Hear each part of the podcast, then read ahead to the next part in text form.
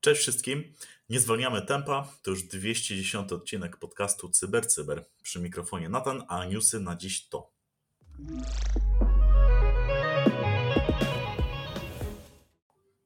Urządzenia z Androidem zainfekowano Predatorem, wykorzystując luki Zero Day.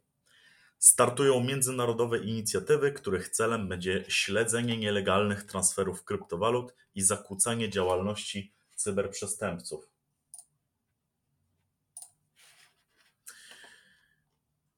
Hakerzy mogą zhakować Twoje konta online, zanim je zarejestrujesz. Fałszywe eksploity POC dla Windowsa zainfekowały społeczność Cobalt Strike'iem. Zdjęcia ofiar przemocy używane w nowym skamie. Popularne biblioteki Pythona eksfiltrowały klucze AWS.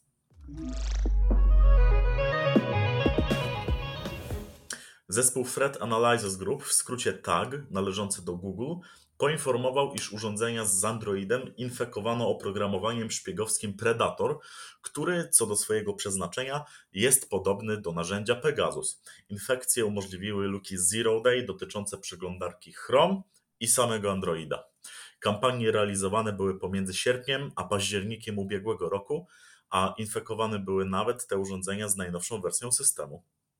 Mówi się, iż e, liczba zainfekowanych urządzeń mobilnych podczas każdej z trzech e, kampanii wynosiła tylko albo aż kilkadziesiąt osób. Zainicjowane przez Agencję do Spraw Cyberbezpieczeństwa i Bezpieczeństwa Infrastruktury akcje mające na celu śledzenie nielegalnych transferów kryptowalut i zakłócenie działalności cyberprzestępców związanych z atakami typu ransomware zrzeszać będą ekspertów i firmy zajmujące się cyberbezpieczeństwem.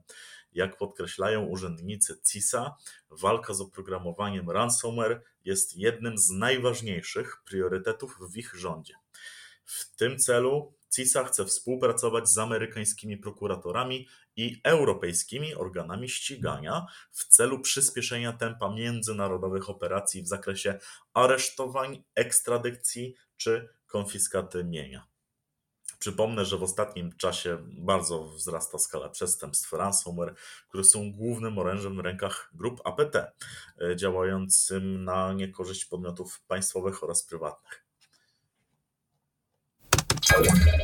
Andrew Pavert, badacz z Microsoft Security Response Center oraz niezależny badacz Avinash Sudhodanan przeanalizowali 75 popularnych usług online i wykazali, że przynajmniej 35 z nich jest podatnych na ataki account pre-hijacking.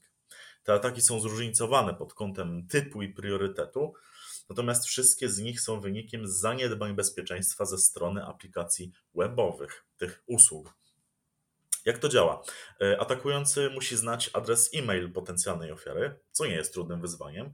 E, atakujący wtedy zakłada konto na podatnej stronie, trzyma kciuki, że ofiara nie zauważy powiadomienia w swojej skrzynce mailowej o założeniu konta i je zignoruje, co jest e, całkiem rozsądną rzeczą, żeby, żeby zrobić, kiedy nie wiemy skąd pochodzi mail o założeniu konta.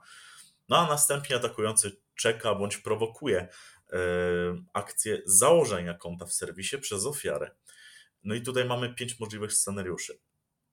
Na przykład e, usługa łączy oba założone konta w jedno bez informowania użytkownika e, oraz na przykład sesja nawiązana przez atakującego jeszcze nie wygasła, więc po założeniu konta przez ofiarę atakujący może uzyskać do niej dostęp.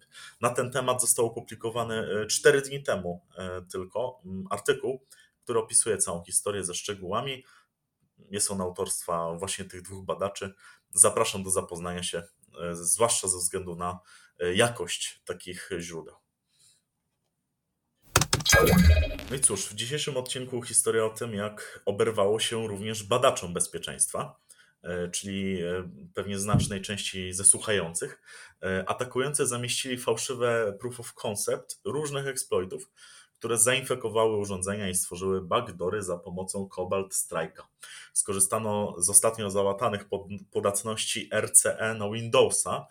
E, konkretnie chodzi o CVE 2022 24500 oraz 2022 26 809. Częstą praktyką po wypuszczeniu łaty jest analiza poprawki wypuszczonej przez vendora oraz publikacja proof of concept, mających udowodnić, że poprawka została załatana lub nie została załatana. No i właśnie z tego, że tak właśnie badacze bezpieczeństwa robią, skorzystał atakujący o niku RKXXZ na GitHubie. Kto ostatnio sprawdzał poprawność wypuszczonych łat, niech się strzeże. Mam dziś nieprzyjemność e, opowiedzieć o jednym z gorszych oszustw e, czy przestępstw e, z punktu widzenia moralnego. Chodzi o akcje na, na aplikacjach randkowych typu Tinder czy Grinder. Mm, co się dzieje? Oszuści podszywają się pod ofiary przemocy, aby, aby wyłudzić pieniądze. Schemat jest następujący. Oszust z konta imitującego atrakcyjną osobę pisze do innych osób, nawiązując relacje z nią, po to, aby w końcu przyznać się do bycia ofiarą przemocy. Y, no i cóż, wzbudzić w niej litość, y, czy też, y, czy też zaufanie najpierw. No bo przecież jaka ofiara przemocy, która wysyła zdjęcia swoich obrażeń, może być oszustem. W celu weryfikacji, czy rozmowa, czy rozmówca, przepraszam, nie ma historii przemocowej, oszust prosi o rejestrację na stronie internetowej, która ma być rejestrem takich osób. Członkostwo oczywiście słono kosztuje. Strona internetowa z kamerów jest jeszcze dostępna, to też sprawa jest świeża. Mm, zapraszam do zapoznania się bliżej z tematem. Więcej informacji jak zwykle w źródle.